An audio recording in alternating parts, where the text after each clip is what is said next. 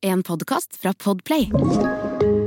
Vi, er litt sånn i brytningstid, eh, og det virker praktisk og teknisk nesten umulig å kunne ha noen konserter nå. Så det spørs om vi må la det fare, rett og slett. Har vi kommet til et sted hvor det blir, blir veldig vanskelig å skulle fortsette å late som om vi var det gamle bandet som skal, som skal gjøre, gjøre gigs etter konvensjonell måte. Så det neste vi går inn i, kommer nok til å bli noe annet.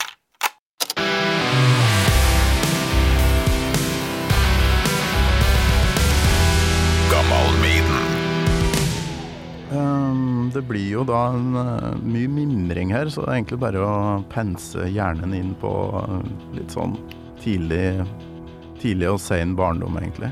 Ja.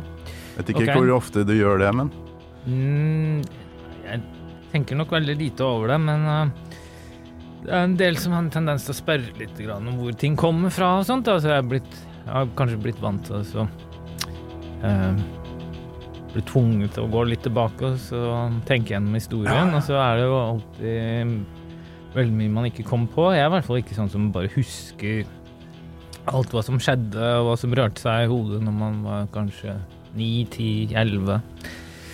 Det blir for langt tilbake. Det har skjedd for mye siden da. Blitt for Mm. annerledes som menneske, egentlig. Sånn. Nei, men vi prøver. Vi kan prøve oss fram. Og så må vi jo snakke om Satyricon og Munch, rett og slett. Så er du klar? jeg er klar. Gammalmiden med Torkil Thorsvik. Ja, nå har du jo et navn, og så har du jo et uh, artistnavn òg, så skal jeg bruke begge, eller? Du kan jo gjerne bruke artistnavnet, siden jeg er her som, Ja, som musiker og som Satyricon-medlem. da gjør jeg det. Hjertelig velkommen til Gammal Maiden eh, til deg, Frost. Takk skal du ha. Hvordan eh, har du det om dagen? Det går bra. Hatt tid til å rusle innom uh, Gammal Maiden på en, uh, på en onsdagsformiddag. Ja, det klarte jeg å få til. Bra.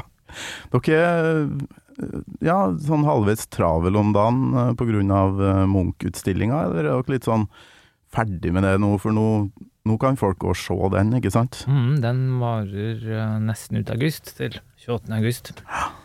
Men, dere, eh, men har du nok å holde på med eh, likevel? Har det. Nå er det jo sånn at uh, utover uh, Satyricon og utstillinga nå, så har jeg et band til som er aktivt. Jeg skulle vært i Frankrike i helga, men jeg opplevde kansellert for de, som så veldig mange andre. Fikk du det Så da ble det eh, ikke noe tur til Hellfest på oss, da. Eh, Men eh, vi skal spille her i Oslo nå i helga som kommer. Ah, okay. Da slipper vi flytur. Da skal vi spille på Tonsor Rock i vår egen hjemby. Så da Det er 1349? Det er 1349. Ja visst. Skal visst presentere noe øl den dagen òg, men det skal jeg vel ikke prate for mye om her. Øl? Det må du bare prate så mye du vil ja, om. nei Vi har holdt på med et sånt bryggprosjekt siden 2010, egentlig. En veldig, veldig lang historie, det der, så jeg vet ikke om jeg skal gå inn på den, men den vi, vi, har liksom, vi, har, vi har liksom klart å sparke i gang noe eh, ganske nylig igjen. Vi har eh, etablert et samarbeid med håndbryggeri i Drammen, og det, det ser ut til å fungere veldig bra. Så nå for første gang på en sju års tid så har vi, har vi et sånn lysstall som vi skal presentere for folk.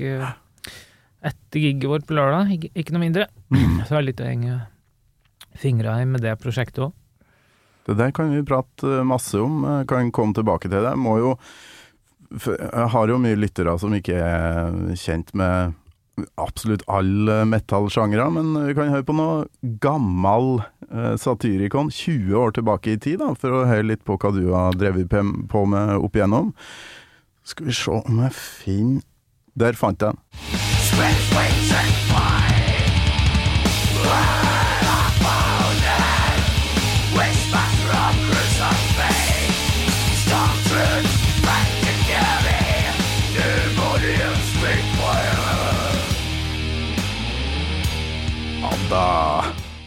Det er fra 2002. Ja visst, er det det. Ja. Mm. Volcano og Fuel for Hatred. Og du spiller tromma her. Det er sant. Veldig bra òg. Jo, takk. Det låter jo fint òg. Det hjelper jo lite grann at uh, Vi hadde en superbra trommeprodusent i, i Satyr. Ja. Han, eh, han er sikkert ikke like kjent uh, som produsent som, som komponist og musiker, Mm. annet enn for de som er veldig innafor, men de som vet hva han driver med på produksjonssiden, har jo veldig respekt for Satyr som eh, produsent. Ja. Og ikke minst denne trommeproduksjonen på Volcano her eh, har han fått mye skryt for av Ja, teknikere og feinschmeckere. Så, ja okay, så han det- har, har jo sin del, han, han også. Ja, det er eh, han, men jo han produsert eh, det meste da, av det dere har gitt ut opp igjennom? Han har vært hands on på produksjonene siden vi begynte å jobbe i studio. Eh, Det tror jeg har vært noe han har naturlig gravitert mot. Det Mm. å jobbe med alt som er rundt musikken, og som bidrar til det ferdige resultatet, har liksom vært en ting som han følte han burde engasjere seg i, og som han trivdes med og forsto intuitivt. Så han ble også fort flink på det. Virker som en kar som er glad i å være hands on på det meste. Ja. er du òg litt sånn, eller? Jeg er veldig annerledes med tilnærminga mi og arbeidet mitt, tenker jeg. Um, jeg liker å holde i en del ting, men hvis jeg skulle måtte lære meg så mye om hva skal jeg si, lydteknikerfaget og involvere meg så mye i alt rundt, sånn Mm. som Satire har gjort, eksempel, så da uh, hadde jeg følt meg kvalt av det, tror jeg. Um, jeg ville nok heller fokusere litt mer ensidig på instrumentet mitt, Mm. og prøve å bli god på det. Uh, så har jeg en tendens til å bli ganske enspora når jeg skal gå inn i en oppgave. Mm. Da senser jeg veldig mye lite annet enn det som, det som skjer rundt. Så enten jeg skal i studio og spille noe, eller om jeg skal framføre noe live, så går jeg liksom veldig, veldig inn i den rollen som jeg skal ha akkurat der og da. Mm. Og så er det bra at jeg har folk rundt meg som liker å ha flere baller i lufta samtidig. Ja, ja, ja. Så vi utfyller vel hverandre litt grann der, tenker jeg. Og hvor mye har du vært involvert i det folk kan gå på Munch-museet og oppleve noe, da? Satyrikon og Munch? Der tenker jeg på i stor grad som Satyrs store verk. Mm. Han har jo komponert og jobba dag og natt med det, men jeg har vært inne og, og, og gjort uh, perkusjon.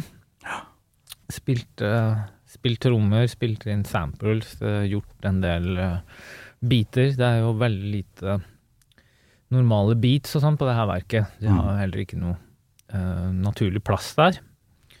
Og verken Satyr eller jeg har visst hva det her kom til å egentlig ende opp med. Han sjøl har på en måte valgt en inngang hvor han jobber veldig åpent. Jobber med, med store følelser, med uh, ja, kanskje det aller tyngste. Han Mm. har, han har jo- jobba som Munch har gjort. Han har brukt sitt hjerteblod, som, som han sier, og virkelig gått inn i det med, med hud og hår. Og så har han stolt på at det vil føre til et svært bra og riktig verk til slutten. Og hvorvidt det kom til å være noe konvensjonelle trommer eller ikke, Mm. visste verken han eller jeg, så jeg har bare på en måte kommet inn der når han har ønska noe fra meg, og så har jeg jo vært med å høre ting bli til. Jeg har hørt demoinnspillinger etter hvert som har hatt det, og når han har satt det sammen, så har dette vært et levende verk som har forandra seg hele tiden.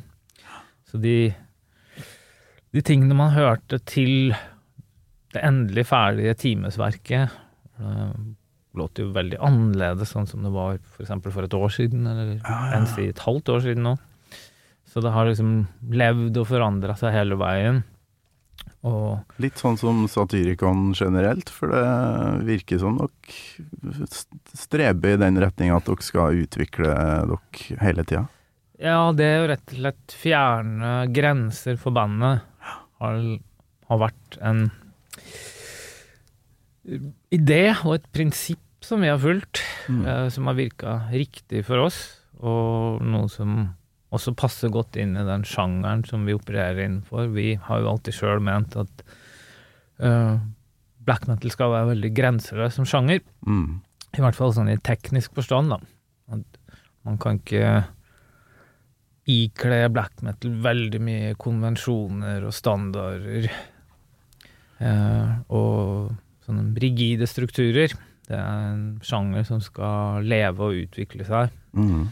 Sånn som banda som på en måte fører an.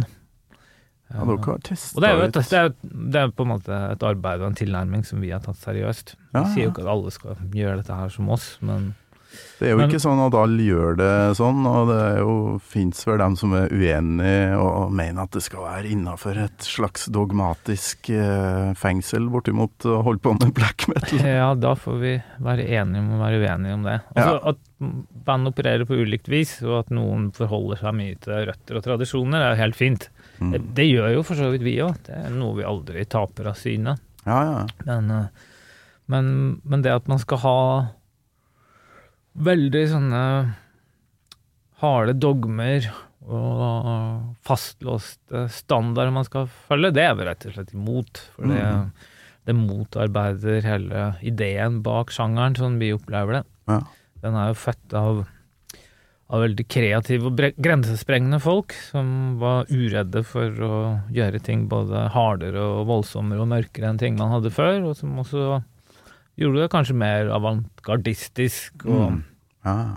og eksperimentelt og utfordrende på andre måter. Sånn, sånn var jo black metal-sjangeren i den helt tidlige fasen på 80-tallet også, og Mm. det var liksom det arbeidet som de ledende norske bandene plukka opp på 90-tallet og tok enda videre. ja.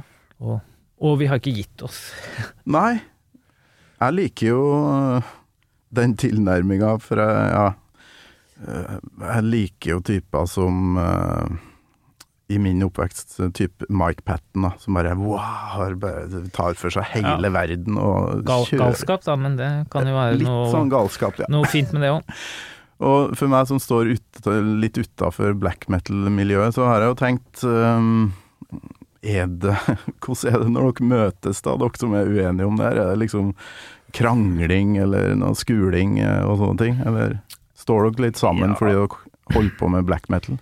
Tror ikke man kan oppsummere det i én setning, men, men, men kontroverser har vi vært vant med. Og liksom den virkelig store endringen som vi opplevde, den kom vel når vi ga ut uh, Rebel Extravaganza. Mm. eh, Fjerdeplata vår som fulgte Nemesis Divina, som på en måte virkelig, virkelig hadde plassert uh, Satyricon på kartet. Og det var vel sånn at det var mange fans eh, etter Nemesis Divina i, i 96 Mm. som tenkte at dette skulle liksom være satyrikonstil nå. Mm. Og så tenkte vi at nei, vi har aldri vært sånn at vi, vi finner fram til en formel, og hvis ting ser ut til å gå bra, så er det liksom hintet på at det er der vi skal være. Vi, vi satser jo alltid på å bli bedre og på å lære å få evolusjonen til å, til å opprettholdes. Vi, vi gir luft til den. Så det ville vi selvfølgelig også da. Så ga vi ut en plate som ble veldig annerledes enn Nemesis Divinaen. Mm. Og vi tenker jo på Rebel Extravaganza i dag som en veldig sånn kompromissløs, hard, grim og mørk plate, som jo burde slå godt an Mm. eh, hos black metal-folkene, da. Og gjorde jo for så vidt også det, blant mange, men samtidig så var det jo hylskriking fra de mer konservative og rigide, som syntes at vi låt altfor sterilt, og det at vi liksom visuelt sett var utfordrende, og, Mm. og liksom framsto på en annen måte enn noen andre band hadde gjort fram til da. Det ble liksom for mye for mange. Og det var jo snakk om rein slakting av plata fra, fra mange tradisjonalister, da, eller som kalte seg tradisjonalister, iallfall. Og så har vi jo sett hvordan veldig mange 20 år seinere har kommet og sagt at 'jeg hata plata deres når den kom', men det er min favoritt-Satyricon-plate nå. Jeg ser den faktisk som en sånn tradisjonell bauta. Nå tenker jeg på det her som old school black metal, har de kommet og sagt. Ja, det har ikke vært så rent få heller, så hadde det vært bare et par stykker, så hadde ikke det vært så interessant historie, men det var liksom så til de grader et paradigmeskifte. Så tydeligvis da, så er jo folk i stand til å endre seg, men de trenger en del tid. Ja. Så, så vi er liksom blitt vant med at kanskje man ikke skal skue for mye til de mest kritiske og konservative stemmene. Kanskje Mm. vi skal stole på at eh, så lenge vi legger sjel og hjerte i det vi gjør, så vinner vi kanskje fram på et eller annet vis. Ja. Det her er jo veldig velkjent uh, tematikk for meg som oppdaga metal og rock da i rundt 1990. For da begynte jo Maiden med No Prayer for the Dying med rocka preg. Metallica kom med Black Album etter hvert. Det var mye sånn sutring eh, fra de tradisjonelle folka. Ja, Litt i samme gata, bare metallfolk har jo en litt sånn lei tendens da i, i mitt hode til å ende opp med å bli litt konservative og sutrete, men det gjelder nå for all del ikke alle. Nei. Men nå har jo det her eh, åpne sinnet deres ført dere inn i Munch-museet. Tiende etasje. Det er bare å gå inn i et rom, har jeg skjønt. Ikke vært her ennå. Trebarnspappa har ikke tid til sånt eh, før ferien eh, kommer nå. Da skal jeg få sjekka det ut. Ja, Men inni der er det altså et nesten ei time langt eh, musikkverk som, som man får høre, Ja. ikke sant? Og så har jeg skjønt det sånn at det skal være helt mørkt inni der, men du får da mm, Munch sine verker opplyst, nesten som at de svever i mørket der. Det er en ganske bra beskrivelse, det. Ja. Hvordan eh, var det for deg å, å gå inn der og sjekke ut det her første gang? Ja, veldig sterkt. Jeg syns at uh, musikken om mulig kjentes enda mørkere og voldsommere på et vis enn en sånn jeg hadde hørt verket Mm. uten Uh, uten kunsten rundt, og uten å være satt i, i sammenheng på den måten. Ja. Eh, Det er jo et helt fantastisk musikkstykke i seg selv, syns jeg, men det ble enda sterkere sammen med, med kunsten og i det rommet. Eh, og den versjonen av stykket som spilles der, er jo også spesialtilpassa rommet, og det er, ikke sant, det er jo noen subhøyttalere der og sånn som gjør at du kan hente fram enda litt grann, um, dypere bånd, og ja. rett og slett gi det et um, ekstra sånn dybdetrykk, som jo uh, får det til å, å framstå ekstra flott, syns jeg. Ja, det, her, eh, det blir utgitt, eller? Sånn at folk får uh, Det- høre det hjemme i stua? Det blir utgitt, så det er jo en spesialversjon av stykket man får høre i Munch-museet, som man bare kan høre der. Ja, ok. Eh, Folk har jo ikke PA-anlegg hjemme, det trenger man for å kunne spille denne versjonen som er i museet. Og som sagt, det er tuna for, for rommet og for, for et PA-system. Ja. Eh, og det var jo aldri sikkert at Satyrkons neste plate skulle bli det samme som det her musikkstykket. Eh, men uh, Satyr kom jo fram til det etter hvert, når musikkstykket var ferdig. Mm. At jeg kan liksom ikke hente ut biter her og bygge noe annet rundt det. Dette musikkstykket henger sammen. Eh, og, og det skal det gjøre. Det er Mm. laga for å være sånn. Mm. Og noe klipping og liming er ikke aktuelt. Dette er albumet. Sånn må det bli. Ja, ja, ja. Så det var også noe som kanskje um,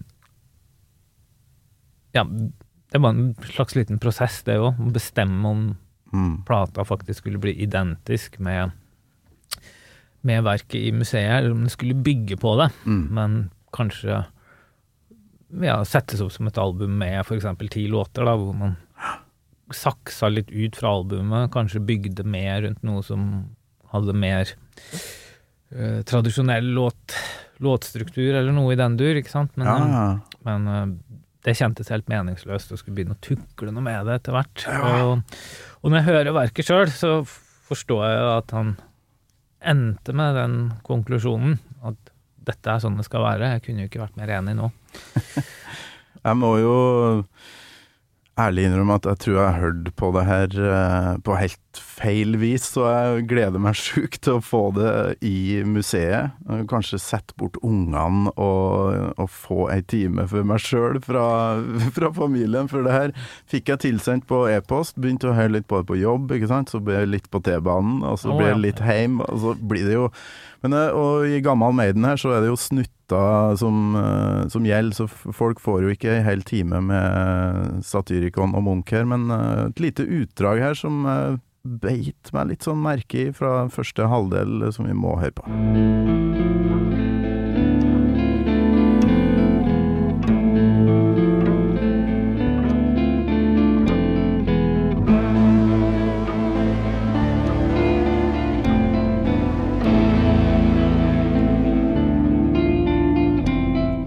Altså, jeg kunne ha vært hvor som helst. eh, Det er jo bare å lukke igjen øynene, og så er man jo et annet sted. For det, det er utrolig stemningsfullt. Det er noen strykere der som virkelig hjelper på, da. For jeg strykere, da, blir, da er jeg solgt. En cello eller et eller annet sånt eh, som er akkurat på det klippet her, da. Ja. Hvem er det som er med og spiller stryk? Eh, Vi har hatt med oss eh, Eivind Bune, som har eh, Som har eh, vært med å, å guide strykere. Han har gjort et veldig stort arbeid for denne plata. Han har gått inn i det, vært veldig engasjert, og han har Mm. utgjort en, utgjort en forskjell. Så all musikk er jo i hovedsak eh, komponert av satir, sånn som satirkons musikk jo alltid er. Mm. Og det er ikke noe unntak denne gangen. Men, eh, men buene har, etter hva jeg har forstått, bidratt en god del da, Mm. med å, å skape de eh, veldig, veldig fine og tilrettelagte strykerarrangementene. Og Mm. musikere, altså både blant strykere og blåsere som er med her, har jo fått en del spillerom Ja. til å gjøre egne tolkninger og til å gå inn med med egne stemninger og følelser rundt det. Så det gjelder også cellisten, som jeg har skjønt eh, fikk, fikk en slags instruks om å, om å kjenne mye på tunge og mørke følelser, Mm. og hensette det til vinter. Ja, ikke sant? Ja, men jeg, jeg tror dem som forventer seg en sånn eh, litt sånn blastbeat og, og full pakke Satyricon-låt inni her et sted, dem, eh, det- kan de bare glemme for det. For det er veldig sånn eh, stemning. Jæklig sånn Man føler jo noe når man hører her. Jeg har et klipp til som som er litt heftigere, og der er kanskje du òg involvert, eh, vil jeg tro.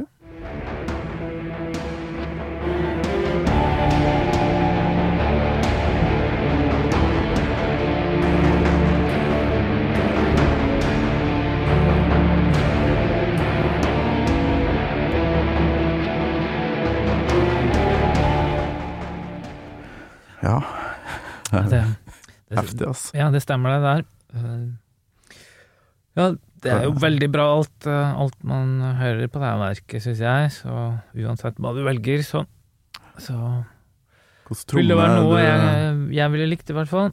Uh, Hva her, spiller du på her? Uh, Det her er uh, primært gulvtammer. Ja. Bare stemt til fire forskjellige gulvtammer, og Mm. eh, prøvde oss litt fram, da. Hvor er det spilt inn, da? Uh, Innspillinga er eh, gjort eh, der vi har hatt øvingslokalet vårt i Østfold. Østfold. ja. Mm. Så det er Det er ikke en sånn gigantisk eh, Grieg-hall, liksom. Det, Nei, det, det er ikke det det. kan høres sånn, nemlig. Men det går vel an å få til det uten å stå i en eh, hall. Ja, og så har vi jo hatt eh, ordentlig opptaksutstyr og Ja, ja. gode mikrofoner og sånt noe. Ja, det høres. Ja. Så hva, hva skjer med det her? Må dere være involvert på noe, eller har dere bare sluppet det her nå? Nå skal bare fansen og alle andre gå inn her og, og oppleve det? Ja, det er, det er jo lite grann der. Vi kommer til å la dette eh, på mange måter bestemme hva slags retning bandet skal i.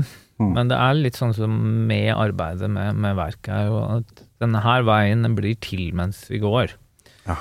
Og vi prøver å tilrettelegge og planlegge, men nøyaktig hvor vi ender opp med det, og hvordan dette skal presenteres i live-miljø, det vet vi ikke 100 men vi skal jo gjøre det. Dere har jo nå jobba i august-september, stemmer det, eller? Men jeg så en sånn turnéliste som Ja, gitt, gitt hvor Satyricon er på vei nå, og hvordan vi på en måte skal gå fra å være ett band til et, til et litt annet band. Altså vi får jo et helt annet livemiljø på litt sikt nå, Mhm. hvor det kanskje kommer til å være med ja, analogsynter. Kanskje har vi med blåsere og strykere, i hvert fall på en del av konsertene. Noen skal Såpass, dirigere dette her. Blir, blir veldig annen tankegang rundt det å spille live. Mhm. Og det gjør jo også at vi, vi er litt sånn i brytningstid. Uh, og det virker praktisk og teknisk nesten umulig å kunne ha noen konserter nå. Så det spørs om vi må la det fare, rett og slett. Vi har jo, okay. vi har jo hatt en tanke om at vi skulle gjennomføre det først, men um, av en haug årsaker så liksom Man kommer ut av en pandemi med alt det det innebærer, at teknikere blir borte, og Ja, for det var og at jobber har liksom blitt kasta om på, helt Ja. voldsomt, og at du samtidig har et band som har fått en ny retning, sånn Mm. på tampen av dette her. Eh, så ja, har vi kommet til et sted hvor det blir, blir veldig vanskelig å skulle fortsette å late som om vi var det gamle bandet som skal, som skal gjøre, gjøre gigs etter konvensjonell måte. Så det neste vi går inn i, kommer nok til å bli noe annet. Men det betyr ikke at historien vår blir kasta på noen skraphaug. Det, det, det skjer jo ikke, det. Men um, Nei, nei, nei, men det er jo Ja, det er et problem det der hvis jobbene er booka for mange herrens måneder eller år sia. ja, ja, alt, alt det som det liksom var meningen at vi skulle gjøre, er jo ting som ble flytta på fra Ja, 2020, og, og som ble flytta på igjen 2021. Og så har dere Og blitt et annet så, band ja, og så plutselig så passa liksom ikke de tingene så veldig bra eh, inn i det vi gjør lenger. Så, så det er litt sånn det er blitt, da. Så nå må folk bare følge med på uh, om, om det blir avlyst, og om det dukker opp nye typer konserter fremover, da, Vi, rett og slett. vi skal jo selvfølgelig tilbake live, vi. Men eh, det kan nok bli en litt annen form. Ja visst. Men det um, Hvilke verker Altså, du kjenner kanskje ikke til, og det gjør ikke jeg heller, alt Munch har gjort, men er det um, Han var jo en sånn naturens mann og var ute og, og fikk både gode og dårlige opplevelser ute i naturen. Er det, er det noe sånt på veggene i det her rommet uh, da i tiende etasje på museet nå? Ja, det er jo en, en samling verker som, som Satir har, uh, har jobba med. Mm. Det vil si at han har vært med å, å, å plukke ut de verkene, sette dem sammen. Um, og alt det her er jo gjort veldig, veldig varsomt. Mm. Uh, og selvfølgelig da i samarbeid med, med museumsorganisasjonen. Mm. Uh, Det er ikke sånn at du bare kan si at vil ha det bildet og det bildet og det, og så, og så henger man det opp. Uh, Det er jo på en måte flere som har sitt å si om saken, men Mm. han har valgt en, en samling bilder som er veldig egna til å få et tonefølge fra Satyricons side. Mm. Det er på ingen måte tilfeldig valgt, og hvordan de er hengt opp. Alt, alt dette her er jo gjort med veldig varsom og nennsom hånd, Mm. og Satir har jo sjøl guida den prosessen i stort og smått for at det her skulle ende opp med å, å bli riktig. Mm. Så det har vært veldig mye vekselvirkning mellom Munchs kunst og musikken som, eh, som man hører på utstillinga. Mm. Eh, Og jeg syns i hvert fall det var veldig åpenbart at når man, når man så bildene og ser hvordan det er hengt opp, så er det liksom som jeg kan føle at uh, her har Satir jobba veldig, veldig mye med disse verkene i mente. Mm. Uh, Jeg føler at han har dratt utrolig mye ut fra dem, og han har latt seg inspirere, og han har latt seg motivere, og han har gjort retningsvalg på bakgrunn av hva han føler når han opplever denne kunsten, og virkelig latt det trenge inn under huden. Mm. Og når jeg sjøl ser verkene og hører musikken, så kjenner jeg hvordan musikken oppleves enda heftigere, og hvordan verkene faktisk får et visst liv som ikke følte før. Mm. Eh, kjennes ekstra sterkt. og ekstra intenst til dels. Og det har ikke vært så rent få rapporter om folk som har brutt sammen i gråt på denne utstillingen her, Mm. men i positiv forstand, må man si, da. Ja, ja, fordi at følelsene har overmanna dem litt. Grann. Ja. Og det handler jo veldig mye om det, at eh, det er liksom de det er de litt store og heftige følelsene. Det dominerte Munch sitt kunstnerskap, og sånn oppleves musikken for denne utstillingen her. Det er vel litt uh, det man føler når man setter på bla noe ordentlig black metal òg. at du, hvis du går og føler på ting, så får du slippfri litt, da. Ja, i Munchs uh, bilder, eh, og det inkluderer jo bilder på utstillingen her, Mm. så, så har du jo disse naturelementene som du var inne på, Ja. og de kler jo black metal veldig godt. ja. En sjanger som er veldig bra egna for å kunne tonesette sånne ting, gitt at det er, er gjort bra, da. Eh, samtidig så er det jo andre mer nakne og såre verker, og, Mm. og det er veldig mørke ting. Jeg håper jeg får uh, Satyr innom for å snakke om det her sjøl òg. Og da må jeg spørre ham om han eh, husker at vi leika i lag da vi var små, for han uh, vokste opp i Overhalla i Nord-Trøndelag. Så mamma sa en gang eh, Du, han der eh, som du ser i avisa der, han leika du med da du var liten. For besteforeldrene mine hadde hus rett ved sida av, og da husker jeg en, en kalving som var litt sånn eh, For eh, de hadde fjøs der.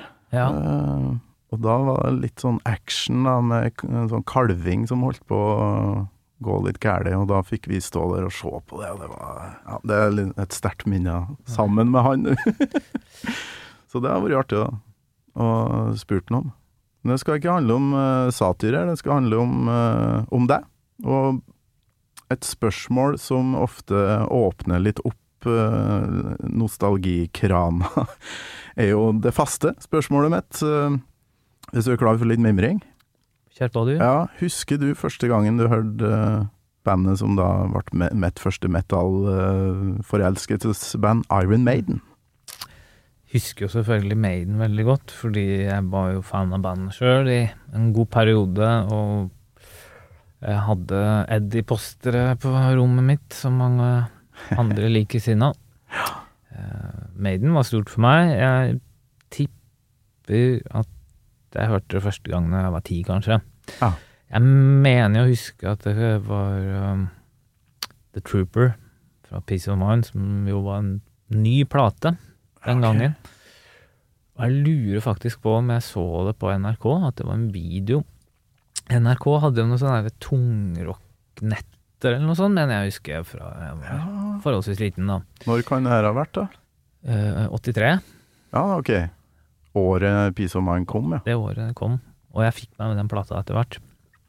Så- Sendte NRK dem- det på Var det sånn kveldssending, eller på natta? Det var på eller? natta. Det var det, ja. det var ofte på natta. For dere kunne de jo ikke ha på dagtid, tydeligvis. Så du satt opp om natta? Fikk med det? Ja, det var ikke så ofte det skjedde, men, eh, men det her gikk vel en lørdag eller noe. Så. Og, det er litt vagt det hele, men, eh, men jeg husker i hvert fall at, eh, at jeg hørte bandet det året, og, Ja, ja, ja. og det var fra den plata i hvert fall. Kanskje det var den videoen de laga med noen gamle sånn filmklipp av eh, The Charge of the Light Brigade, da. Ja, jeg har jo sett den igjen seinere, og jeg lurer på om det også var det det var. Den det er jo ganske heftig hvis det er noe av det første man får av eh, den type musikk, da. Å se den, eh, fordi live-opptakene der, der ser de jo helt rå ut. ja, sånn husker jeg det òg. Det var noen tights og, og noen wristbands og Nei, de så bare helt uh, guddommelige ut, da. helt rå. Men hvordan uh, ble du liksom fan? Fikk du tak i musikk uh, ganske sporenstreks, eller tok det litt tid? Ja, nei, den, eh, den plata Peace of Mind ble jo min første eh, Maiden-anskaffelse, og det var jo også det året. Ja. Så det Det var Walkman-materie for meg, husker jeg. Ja, Walkman, ja. Kassett, ikke sant. Ja, ja, ja. Eh, Så Hvor du vokste opp hen, da? Øyer Gudbrandsdalen. Å ja. Så ikke noe, ikke noe urbant miljø. Jeg hadde, hadde mye tid og rom for meg sjøl, da. Ja, Var det noen likesinna, eller var det bygdas eneste Eh, Nei, vi, vi var et par stykker, vel, som, som hørte litt på, på sånne her saker. Ja, ja. Det er jo kjekt å ha noen, noen å prate med når man har opplevd eh, de tinga der. Ja, Nei, nei, det, det er sant, det. Så Peace of mind, ja, for da, det fører vi oss jo over i uh, låtvalget, da. For det er jo en greie her at uh, hver gjest får velge seg en låt man har et dårlig eller bra eller et eller annet forhold til, da. Og hvilken låt har du valgt deg? Uh, ja, jeg visste jo med en gang når jeg ble spurt av deg, at eh, da skal jeg gå for To Tame a Land Ja, ja. fra, fra Peace of Mind. Det tok ikke lang tid, det, nei. Nei, det var ganske umiddelbart, for det har liksom vært min Min store låt med Maiden, det. Eh, Jeg syns det var en låt som gjorde litt inntrykk når jeg var liten. Den var liksom litt ekstra mørk og mystisk og eksotisk. Eh, Jeg tenkte jeg litt ekstra stemningsfull, rett og slett. Ja, Jeg opplever den sånn enda, ja. Det er en låt som jeg fremdeles eh, hører på litt mer enn enn andre ting med Maiden i dag. ja. Skal vi se Jeg bruker jo å spille litt snutter. Det er jo ja, det å bannes i kirka og høre snutter av låta, men sånn er det her. Praten går, og så hører vi på litt. Så her er introen.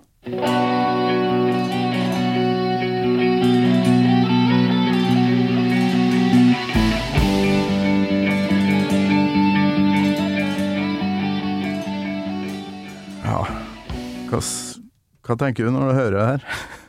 Jeg vet hva jeg føler. Ja, ja, nei, jeg, jeg kjenner litt på På det her litt uh, Litt mørkere og mer mystiske Maiden her. Mm. Uh, og sikkert litt av det jeg opplevde når jeg hørte det her de tidlige gangene når jeg var en kid. Det er liksom noe som har blitt hengende ved. Det, det er ikke all musikk som uh, jeg har likt, som jeg føler nostalgi overfor. Ah, Uh, For mye av det, det ja, hva skal jeg si, det resonnerer liksom ikke helt på samme måte nå som jeg er en meget godt voksen person, mm. uh, som det gjorde når jeg, når jeg var barn. Uh, så derfor blir forbindelseslinja også litt borte, men det her kan jeg på en måte like uh, Omtrent like godt som, som voksen som, som jeg gjorde som barn. Og, og føler ganske mange av de samme tinga. Syns det vekker litt av det samme. Og dermed så holder du også litt livet i akkurat den der eh, nostalgivibben. Så, det, så den Mm. føler jeg nok her. Ja, Akkurat samme greia. Da jeg starta Gammal Maiden-prosjektet her, så uh, Ja, det blir kult å snakke om uh, Maiden, men uh, den derre ja, De følelsene jeg hadde på tidlig 90-tall, det kommer nok aldri tilbake. Men jeg har det gjort, altså. Etter hvert. Når jeg bare vekt opp både gjennom samtale og ved å høre albumene på nytt, da. Er det liksom eh, låt, enkeltlåter, eller er det hele album du kan uh, fremdeles ha glede av i dag? Kanskje litt med mer enkeltlåter. Mm. Uh, på et eller annet punkt så var det jo heftigere og drøyere saker enn Maiden som på en måte fylte mitt univers. Uh, og selv om Maiden var, var både bra nok og, og trøkka godt nok, så var det liksom ikke så spennende med, med heavy metal lenger på et punkt. Mm. Og jeg har aldri gått tilbake til å bli noe veldig stor heavy metal-fan heller. Men det som mer har skjedd, har jo vært at når jeg iblant eh, har litt fri og har lyst til å høre på litt musikk, så henter jeg fram litt enkeltlåter og noen biter fra gamle skiver. Mm. Nettopp for å noen ganger komme på hvordan ting var. Ja, ja. Ikke sant? Og det kan jo være gammel Maiden, det. Det kan også være gammel Accept, eller Ja, ja, ja. gammel Scorpions, for den saks skyld. Ikke sant? ja. Um, 70-talls. og ja. Og en god del av det syns jeg jo faktisk er, er bra enda, og andre ting merker jeg liksom ikke helt gjør det samme inntrykket. Mm. Så, så Maiden er vel kanskje mer et band som jeg henter, uh, henter fram enkeltlåter fra. Og, og jeg syns at mye Maiden er veldig bra enda. Mm. Jeg liker ting fra, fra de første par platene, så syns jeg en del saker er litt grann for um, Hva skal jeg si Litt for oppstemt. Og jeg, Ja. jeg er ikke så glad i, i den type heavy metal. Blitt litt Eh, mer sånn eh, Irish pub-stemning. Li, jeg liker vel kanskje litt mer å høre på Oddball-tingene. Uh, Ja. Tame a er jo, er jo en sånn låt, men jeg syns jo hele Peace of Mind er en bra plate fremdeles. Ja. Det er Fy flate. You're listening to a podcast. I'm Bruce Dickinson. You're not. And you're listening to Gamal Maiden. Vi kan høre litt videre her, for det kommer jo noe trommer inn her.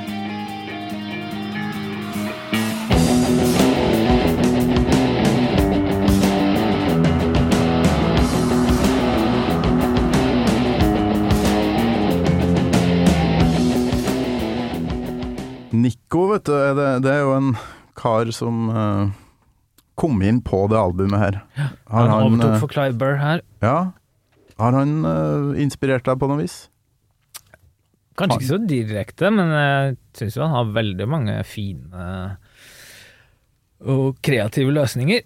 Ja. Han, han spiller bra, men han har også han har tenkt uh, på en litt sånn egenarta måte i spillet sitt, uh, syns jeg. Ja. Eksempel på låta vi hørte her nettopp, så virker det som han gjennomgående har hatt ganske kreative ideer, Mm. og han har satt det sammen fint. Så nei, Nico skal ha, ha cred, han. Ble vel 70 nettopp, og skal spille om eh, ja, i morgen på Ekebergsletta. Det er jo helt rått. Ja. Holdt på eh, så lenge. Skal du holde på så lenge? Det vil jo tiden vise, da. Det er ikke 70 år. det er, Ja, nei, det virker jo, virker jo liksom absurd, men det var jo en gang i tida hvor jeg aldri så for meg at jeg kom til å holde på når jeg var 30. Og Ah, det begynner å bli en stund siden jeg passerte det punktet, så nå, nå slutter jeg liksom å ha noen tanker og planer om det. Eh, Jeg tenker jo at jeg har eh, mye jeg gjerne skulle ha gjort, Ja, ja. og en lang vei å gå. Og kan bli bedre på fryktelig mye saker.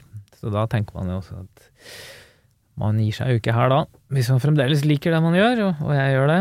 Så, ja og dere holder dere i form òg, du og Satir, eh, med trening og Er ikke du òg veldig opptatt av litt sånn helse eller mat, rett og slett? jo, Ja. mm, det er jo Det er et vesentlig poeng at eh, At eh, det man Det man har som, som virke, eller som arbeid, det er noe man gjerne må understøtte med, med vaner og Ja, det er ikke alle bandene som har lært seg det.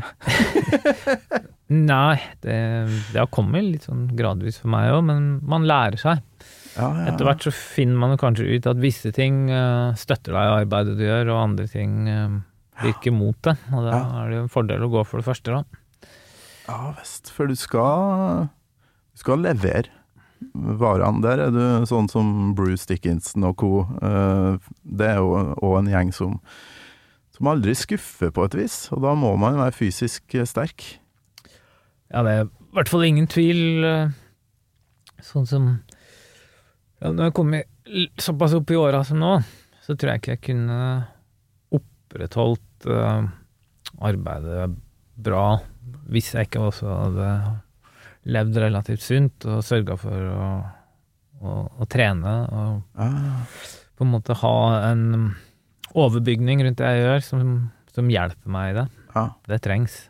Det er sikkert manges erfaring. Står det respekt av, for jeg har eh, Jeg anmelder jo konserter for Radio Rock.no her, og har sett mye rart de siste to ukene. Av leveranser fra scenene rundt omkring. Veldig mye bra fra gamle folk, og folk som kanskje ikke burde ha vært oppå den scenen. Eh, Så det, så det, det er bra du tilhører den eh, ja, den gruppa som tar vare på eh, kroppen, da. Det, ja. Ja, det, det er jo det er i hvert fall veldig viktig å ikke komme på noe komme til noe sånt punkt hvor man holder på bare for å holde på. Mm. Man skal jo gjøre det fordi at det er det, er det man vil, og fordi at man har noen ting å levere. Mm. Hvis, hvis man gjør det i fravær av andre alternativer, så da blir det jo kleint. Motley Crew er jo faktisk nå ut på Til tross for sett farvel for noen år siden, så er de på tur igjen. De burde kanskje ikke gjort det. Eh, Hørte du noe på sånne ting, eller sånn glam-greier, da du var mindre? Ja, Motley Crue hørte jeg nok litt grann på. Eh, Mhm. Jeg syns fremdeles Tommy Lee er en veldig bra trommeslager. Mm. Og det er absolutt enkeltlåter med Motley Crue jeg kan like i dag òg, men vi må tilbake til de to første skivene. Ja. Ja, de eh, Ja, for når det nærmer seg 90 og Girls, Girls Ja, nei, ja, da, det, og Dr. Feelgood da hadde jeg forlatt det bandet for Da var du ferdig. Jeg lurer på hva du drev og leste, da, og da kan vi jo høre første verset på To Tame a Land, som uh, viser hva teksten og, og hva Steve Harris drev og leste på en tid her, i hvert fall.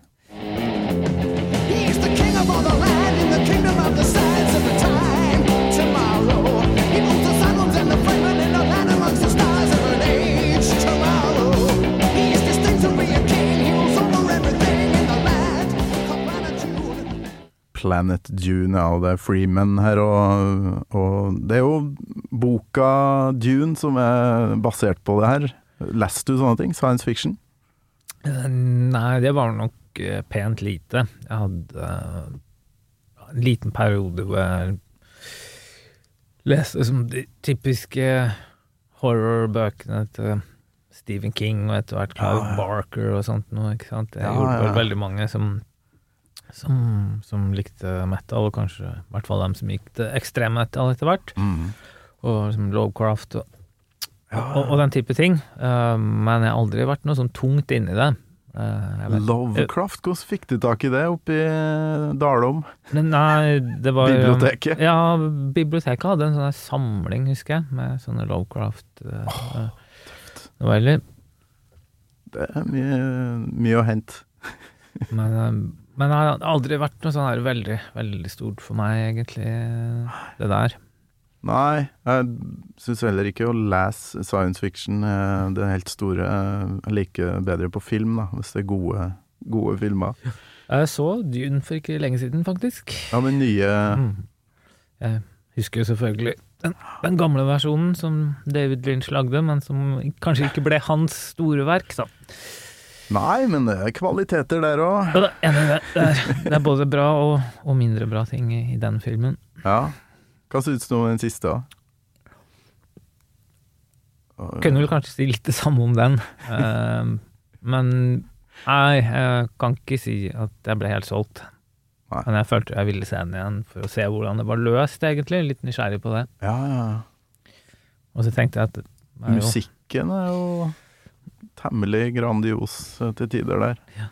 En bra komponist. og visuelt ganske grandiost. Ja, fy eh, flate. Jeg har aldri helt kicka på Dune-konseptet. Er litt mer eh, Lord of the Rings-bøkene, da. Og, Ja.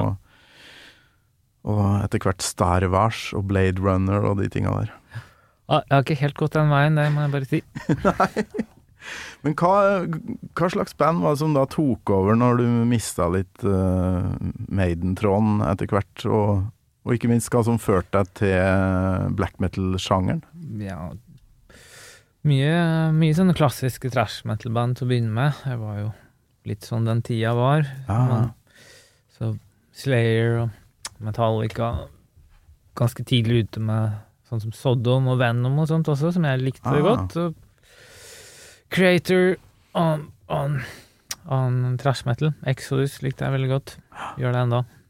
Hadde du da et miljø rundt deg der du var, eller måtte du til st storbyen for å liksom finne band og Ja, sånt? den den ekstremmetal-bagen, den uh, var det ikke noe særlig som fulgte meg på i øyer. Men jeg traff noen folk når jeg kom til videregående. Ja. Og da Da hadde jeg allerede liksom vært inni dette her en god stund, Mm. og hadde etablert litt forhold til det. Uh, og da fant jeg jo noen som, som uh, også likte det, og, og som etter hvert kunne begynne å spille litt med.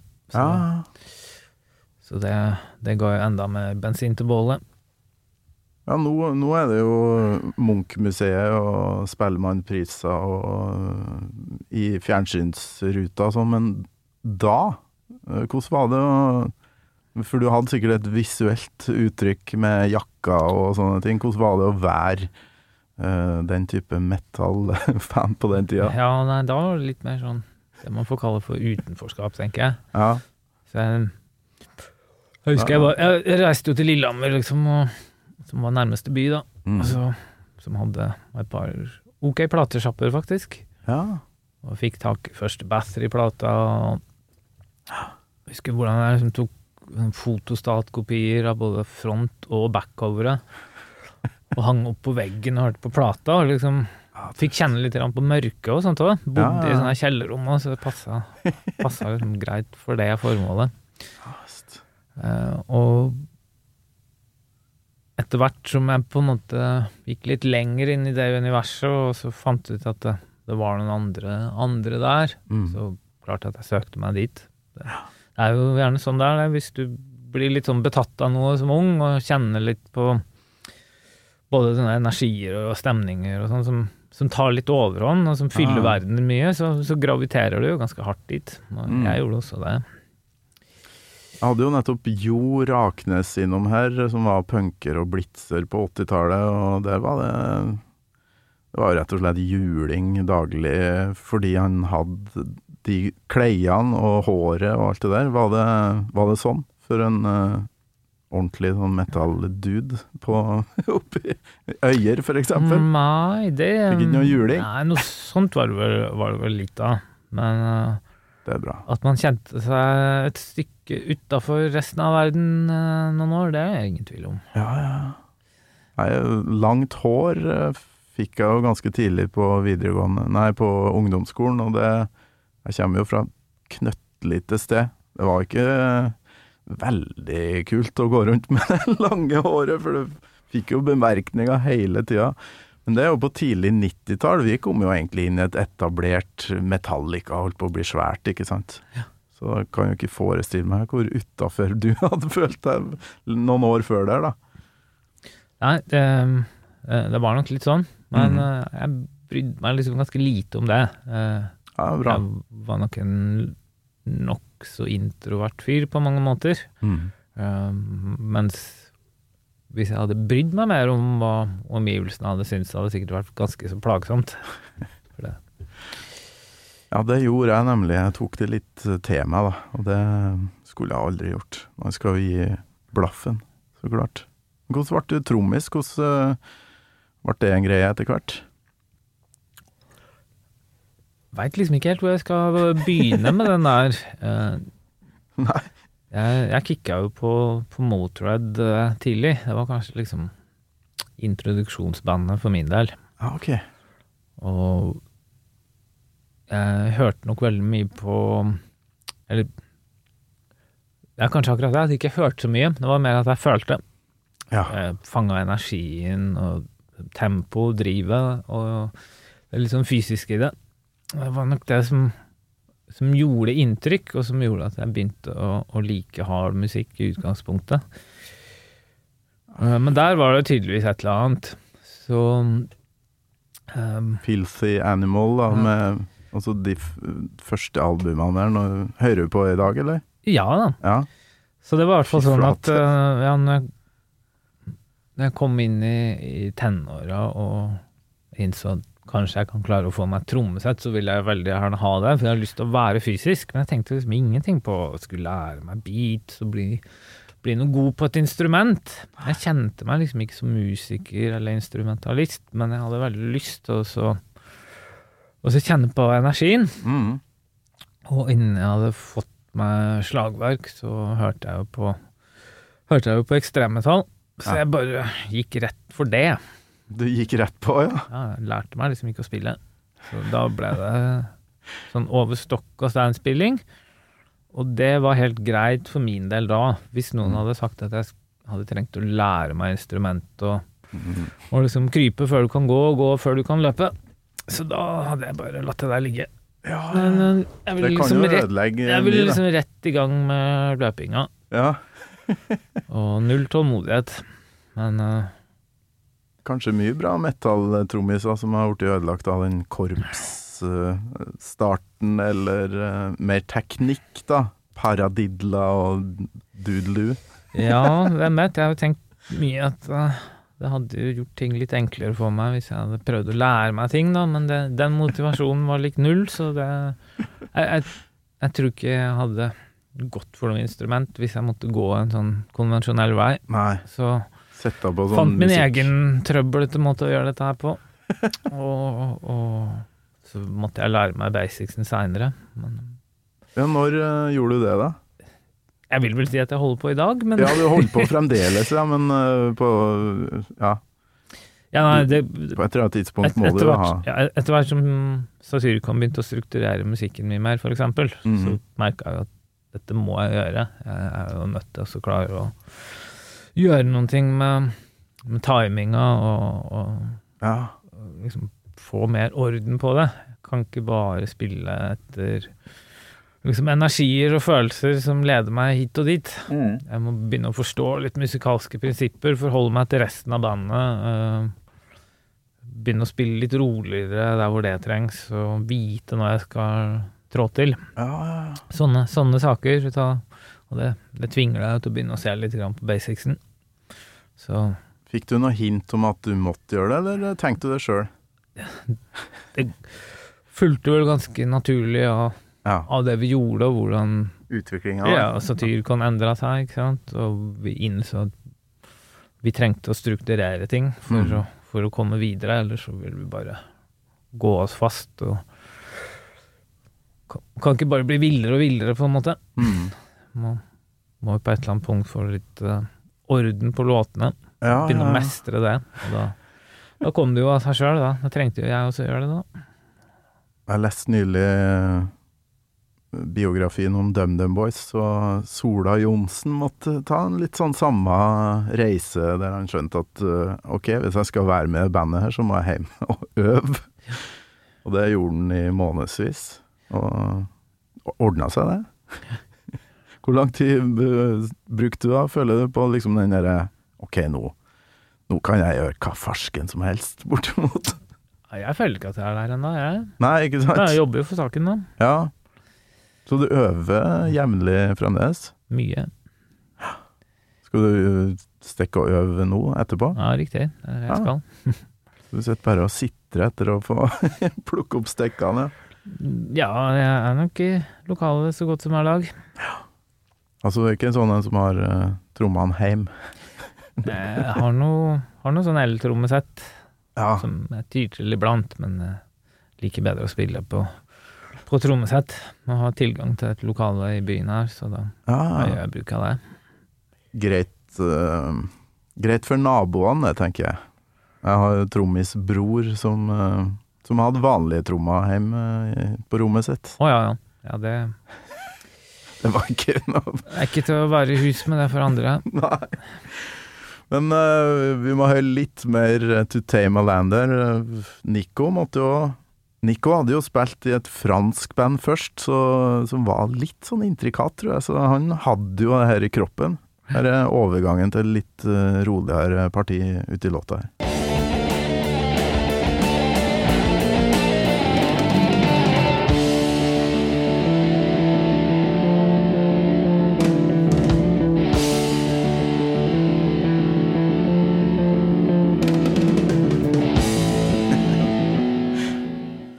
Husker breakene her. Ja, sitter i kroppen. De er legendariske, de. Ja visst. Men uh, det her er jo òg en låt som i- har vel ikke noe refreng. Virker som Maiden òg på uh,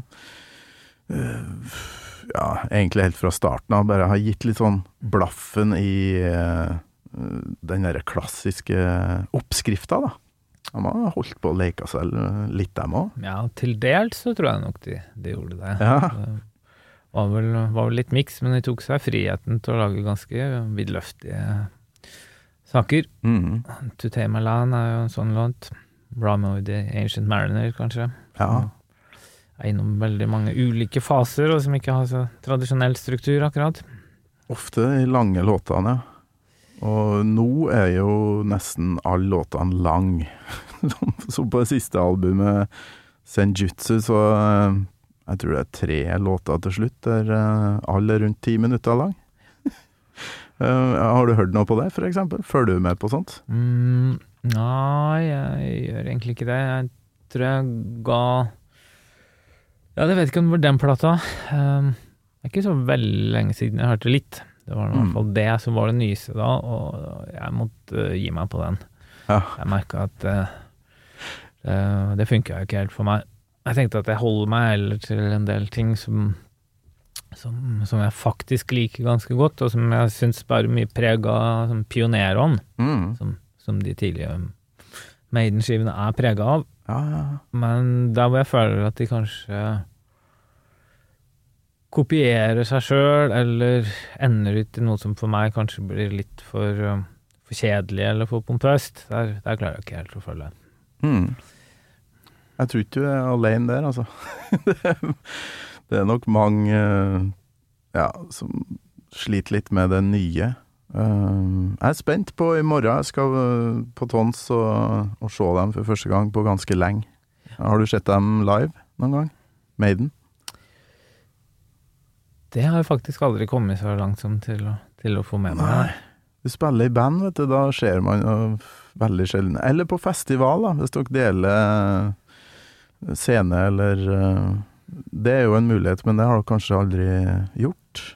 Sånn at du har Jeg fått spiller jo spiller faktisk på den festivalen nå i år, da, men eh, det blir ikke aktuelt for meg å se Maiden, for, fordi jeg spiller i band, som du sier. Ja, ja. Jeg må, jeg må, jeg må, jeg må eh, øve sjøl, og utover det så, så Ja.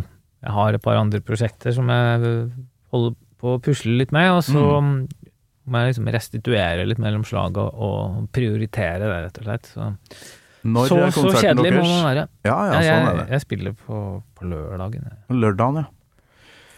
Så da er det det du skal gå og øve litt på nå, muligens? Ja, blant Ja. annet. Ja, ja. øver jo gjerne uansett, jeg, men når man har sånne prosjekter, så blir det litt ekstra mye, så da får det få forrang. Ja. Ellers så hadde jeg ikke hatt noe mot å se Maiden eh, per nå, jeg, men, men jeg prioriterer ikke det. Nei Um, Da jeg var veldig aktiv i band sjøl, så ga jeg farsken i å gå på konserter. Altså, for var Jeg kunne ikke sette av dager som kanskje kunne bli booka en konsert. det, det er jo litt sånn at man Det er jo ikke noe vits å kjøpe billett til noe, for du, plutselig så kommer en spillejobb. Så det, det er litt sånn. Jeg tror musikere går veldig lite på de konsertene der. Så, men jeg, jeg har tatt ut et par klipp til, og så må vi jo begynne å nærme oss en slutt, så du får øvd der. Men uh, det her er en rimelig episk overgang, syns jeg.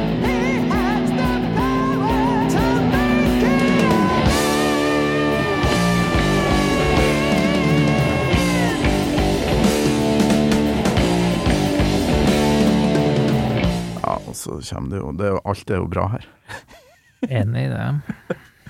Hva syns du om uh, uh, Paul Diano versus Bruce, da? For eh, jeg har ofte gjester innom, kanskje særlig fra metal-miljøet, som ikke helt takler den der operatiske, teatralske Bruce-greia. Nei. Hvor er du der? Nei, der er jeg også litt enig. Uh, Paul Diano var jo en veldig bra vokalist, han. På alle vis, egentlig. Mm. Var jo teknisk sett en veldig bra vokalist. Uh, og det er ikke det at eh, Bruce ikke kan synge, og han um, uh, Han var kanskje riktig mann uh, for jobben på mye av det, men det er nok en tendens til at jeg syns noe av det blir litt for for svulstig og litt for pompøst. Og litt for høy dramafaktor. Og det er sånne ting som jeg ikke liker altfor godt. Men det kan, eksempel på en låt som To Tame Land, så kan det passe seg å ha, ha en del drama, og det kan hende at eh, det har vært vanskelig for en vokalist som Paul Diano, som hadde litt mer sånn punk-vib i måten å synge på, Mm. At jeg ikke ville kledd eh, hans stemme like bra. Men det blir noe spekulering. Ja, for på et tidspunkt der så ville jo band eh, bak, da, Steve Harris, gjøre de tinga her. Og her skal han eh, oppsummere en murstein av ei bok på ei låt på sju-åtte minutter. og det gjør jo Bruce jævlig bra. da. Tekst, altså formidling. Det tror jeg ikke Paul Diano hadde fått til. Nei, det er kanskje akkurat der. Så, Litt mer snøvlete uh, måte å synge på. så ja, tidvis, så kanskje særlig på, på Peace of Mind, og kanskje også på Power Slave, så var Bruce Dickinson litt riktig mann for hvordan mm. Maiden ble akkurat da. Mens ingen tvil om at Paul Diano var en mye riktigere vokalist for litt mer sånn punkete Maiden på de første par platene. Ja. Ja, den energien på de to første er jo Og hører du mye på det òg, eller? Det syns jeg er helt rått. Ja, jeg liker, eh, liker eh, platene. Ja, Det er ikke noe jeg hører mye på, men fra tid til annen så, så henter jeg fram låter fra, fra, fra Maiden-plata og fra Killers. ja. ja. Hvordan fikk du tak i de her tinga da du var liten? Det var jo ikke så mye platebutikker på bygda. Nei, jeg måtte til Lillehammer, Ja, du måtte dit, ja. mm, men der hadde vi Rilla platebar, for eksempel. Som ah, okay. var, ja, var ganske standsmessig sted. De, Var det sånne hodetelefoner som du holdt? ja, Så du kunne ja, det Jeg husker at det fantes i byen, men jeg tror Rilla hadde mer sånne gammeldagse, vanlige Ja. hodetelefoner. Men det var vel noe som het Innova som hadde Innova, ja. den varianten du snakka om der. Det var jo sært. Slitsomt. Ja, litt Brukte slitsomt. de noen ganger. Det var sikkert for at du ikke skulle stå der for lenge, Ja, muligens. Jeg kan nok være en del av det. Men de der gamle headsetene som var sånn massiv, var sånn deilig å ha på, husker jeg. Med polstringa. Men all lyd eh, var Ja, trengte ikke noe no noise cancelling der i går. Så da hører vi eh, slutten der. eh, Så får vi se hva som skjer etter det.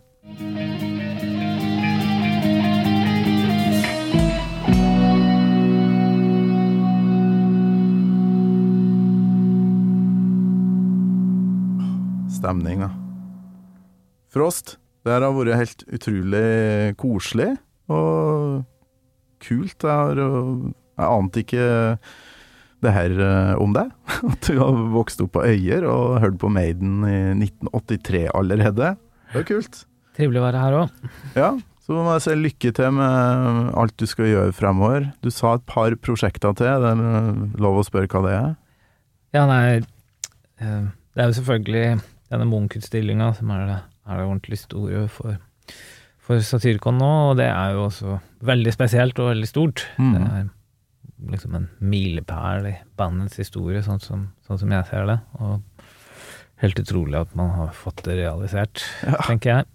Ble det um, større enn øh, dere trodde før, eller at det har påvirka bandets karriere mer enn dere hadde forespeila dere? Ja, det lå vel i kortet at dette her var ment å være en stor ting, og noe som ville ta oss et annet sted og sette litt sånn presedens for hva vi skulle gjøre etter det. Mm. Men um, det er liksom litt det, da. Man kan ikke ha for mange og for konkrete tanker om hva det skal gjøre heller. Man tillater seg på en måte å bli litt leda av hvordan prosjektet utvikler seg, og Mm. hva det kan gjøre for, for bandet. Så, så det er jo sånn det har vært. Vi har vel ant at dette her blir veldig definerende og, og, og retningsgivende. Men akkurat hvor mye og i hvilken retning og sånn, det har vi vel ikke visst. Men nå opplever vi jo at dette her er, stort. Ja, Helt klart. hvordan øh, Ja, for nå er jeg jo da så heldig å få deg som gjest i midt i et veikryss, eller? For nå er det litt sånn øh, Fansen og vi andre vet i hvert fall ikke hva som skal skje nå. Ja, det, Ja, det tror jeg nesten vi må konkludere med, og vi er ikke helt sikre heller, så Men um, det blir utrolig spennende å følge med på. da. interessant reise, den som kommer nå. Det, Ja. det Det er jo en ære å ha hatt deg på besøk mens du sitter og grubler på det. det er helt perfekt, det. Og så gleder jeg meg skikkelig til å gå inn i det rommet der, og få høre musikken der den skal høres, kanskje. Ikke på T-banen og mens ungene eh, skriker. Ja, nei, jeg tror du har, har en stor opplevelse i vente, og absolutt noe å glede deg til. Ja. Faen, det er noen folk som driver og pusser opp under her, så det er mye sånn eh, rumling i bakgrunnen. Får bare beklage det. Og Frost, hjertelig tusen takk for besøket. Ja, og igjen takk selv òg. Gammal Maiden med Torkel Thorsvik. En podkast fra Radio Rock. Det var utrolig koselig. Frost i Gammal Maiden i episode 105, og da er det sommer. Håper du får en fin en, og så må du ikke glemme å sjekke ut de 104 andre Gammal Maiden-episodene når du skal sette deg godt tilbake og bare kose deg i løpet av sommeren. Så er jeg tilbake med sesong seks i august. Det her har vært helt rått. Så jeg har laga 30 episoder siden januar. Det er jeg stolt av, så nå tar jeg meg bitte litt fri. Legger ut noen sånne små eh, topp tre bonusepisoder, tenker jeg, i løpet av sommeren, så du ikke eh, glemmer meg helt, da. Så takk for at du har hørt på. God sommer. Du har hørt en podkast fra Podplay. En enklere måte å høre podkast på. Last ned appen Podplay, eller se podplay.no.